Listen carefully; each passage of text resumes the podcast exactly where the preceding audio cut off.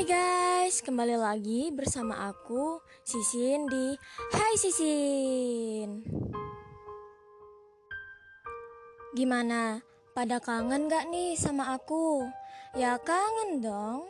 Kalau nggak kangen, nggak mungkin terus pantengin podcast kamu Sisin. Hehe. Iya deh guys, aku percaya kok kalau kalian kangen banget sama aku. Oke, gak usah banyak basa-basi deh Sisin Kita langsung aja bahas tema episode kali ini Soalnya udah penasaran banget nih Bener gak guys? Bener banget dong Ya udah, kalau kalian udah pada nggak sabar pengen tahu tema apa yang akan kita bahas kali ini, yuk langsung dengerin dengan seksama ya guys. Besarin volume HP kalian supaya podcastku terdengar dengan jelas ya. Tema podcast kali ini adalah kisah di bulan Juli.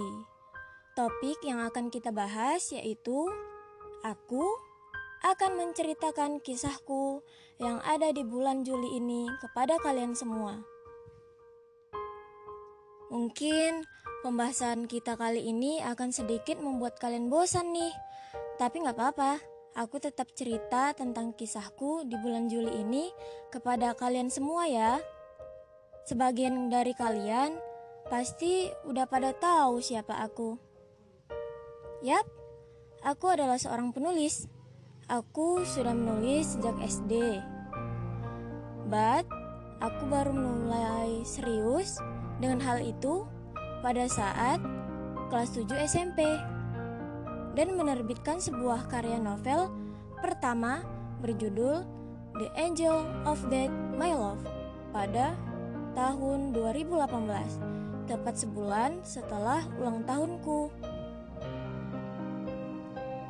Hal yang ingin aku bahas bukanlah tentang itu, tetapi tentang hobiku, yaitu bernyanyi. Entah sejak kapan aku mulai suka bernyanyi, Aku tidak tahu, tapi yang jelas mungkin sejak kecil deh. Ibu dan ayahku tidak merasa asing dengan hobi itu karena mereka juga aktif bernyanyi. Bahkan kadang ayah masih sering karaoke di salah satu aplikasi di HP-nya untuk melepas lelahnya setelah bekerja panas-panasan seharian. Hobi bernyanyi juga tentu tidak asing lagi kan buat kalian. Pasti kalian juga sering banget bernyanyi, terutama di studio utama, yaitu toilet. Ayo ngaku, siapa yang sering banget ngelakuin hal itu? Ya, aku ngaku deh, aku juga sering bernyanyi di dalam kamar mandi loh. Entah untuk apa, tapi yang jelas seperti berada di dalam studio rekaman. Tidak ada yang mengganggu dan suara akan terdengar bergema. Nah, kita kembali ke topik ya.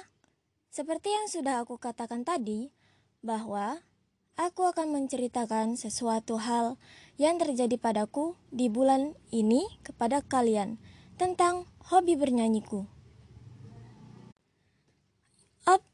Attention! Bukankah sekarang lagi pada demam K-pop? Kalau iya, pasti ada deh di antara kalian. Udah, ngaku aja, gak apa-apa kok. Aku juga salah satu dari kalian loh. But, aku bukan sekadar K-popers seperti yang lainnya.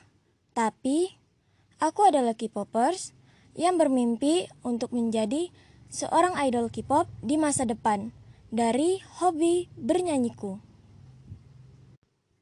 Nah, ceritanya baru dimulai sekarang loh. Beberapa bulan yang lalu, aku membentuk grup untuk dua orang. Grup itu bernama Starlight.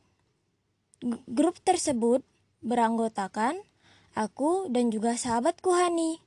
Kami bermimpi ingin menjadi seorang idol K-pop yang memiliki suara unik, kepribadian yang unik, kebiasaan yang unik, dan lain-lainnya yang juga unik, yang mungkin membedakan kami dengan calon idol K-pop lainnya. Nah, tentu saja hal itu belum terwujud hingga sekarang. Karena aku disibukkan dengan berbagai hal soal kepenulisan novelku, begitu juga dengan Hani. Mungkin dia juga punya kesibukan sendiri. Belum lagi dengan saat sekolah, tugasnya menumpuk, pekerjaan rumah yang belum kelar, dan banyak lagi yang harus diselesaikan setiap hari. Membuatku berkali-kali mengurungkan niatku untuk menjadi seorang penyanyi terkenal di dunia itu.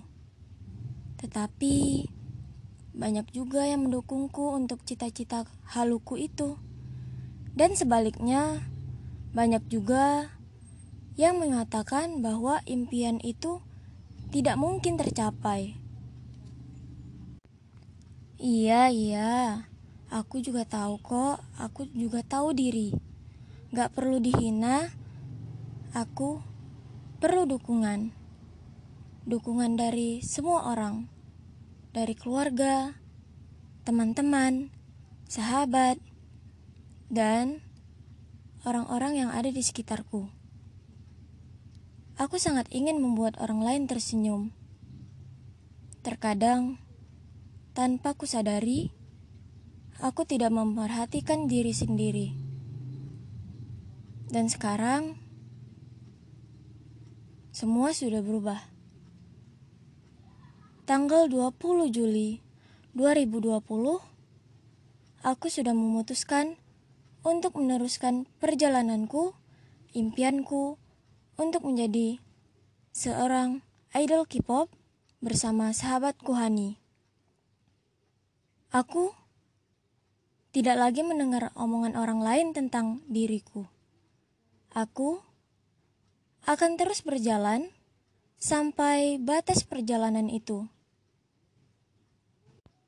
So, ketika kamu merasa ingin berhenti, pikirkanlah tentang mengapa kamu memulainya. Sukses bukanlah final. Kegagalan tak terlalu fatal. Keberanian untuk melanjutkannya lah yang lebih penting. Dan sesuatu yang diinginkan itu harus dikejar, bukan ditunggu. Diusahakan, bukan sekedar mengharapkan. Semangat buat kalian yang juga ingin mengejar impian atau cita-cita kalian. Jangan pernah mundur ya. Jika sudah berada di tengah jalan, dan itu berlaku untuk kita semua. Baiklah, kita udah di penghujung episode kali ini. Terima kasih telah ikhlas mendengarkan suaraku. Dan terima kasih kepada teman-teman semua yang selalu memberikan dukungan untukku. Kita akan bertemu lagi di podcast Hai Sisin selanjutnya setiap hari Kamis jam 8 malam yang pastinya kita akan membahas topik-topik yang seru dan gak bikin bosan buat kalian semua. Bagi kalian yang belum follow podcast Hai Sisin, kutunggu ya, di follow dulu ya, supaya kalian gak ketinggalan episode terbaru dari podcast Hai Sisin.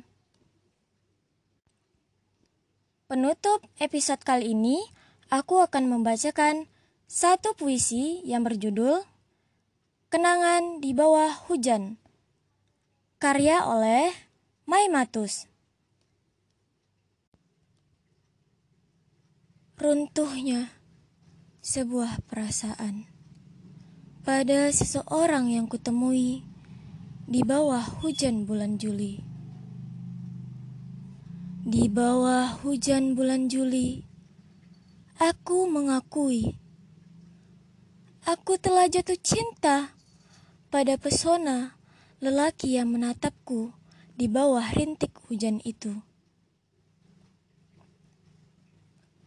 Di bawah hujan bulan Juli, aku mengakui tentang indahnya rasa yang datang tiba-tiba karena mata dan senyumannya. Hujan bulan Juli adalah saksi. Terciptanya rasa yang membuat gundah, kebimbangan akan cinta antara aku dan dia. Oke okay guys, hari ini kita cukup sampai di sini dulu ya. Kita akan ketemu di episode selanjutnya. See you. Semoga hari kalian menyenangkan. Bye.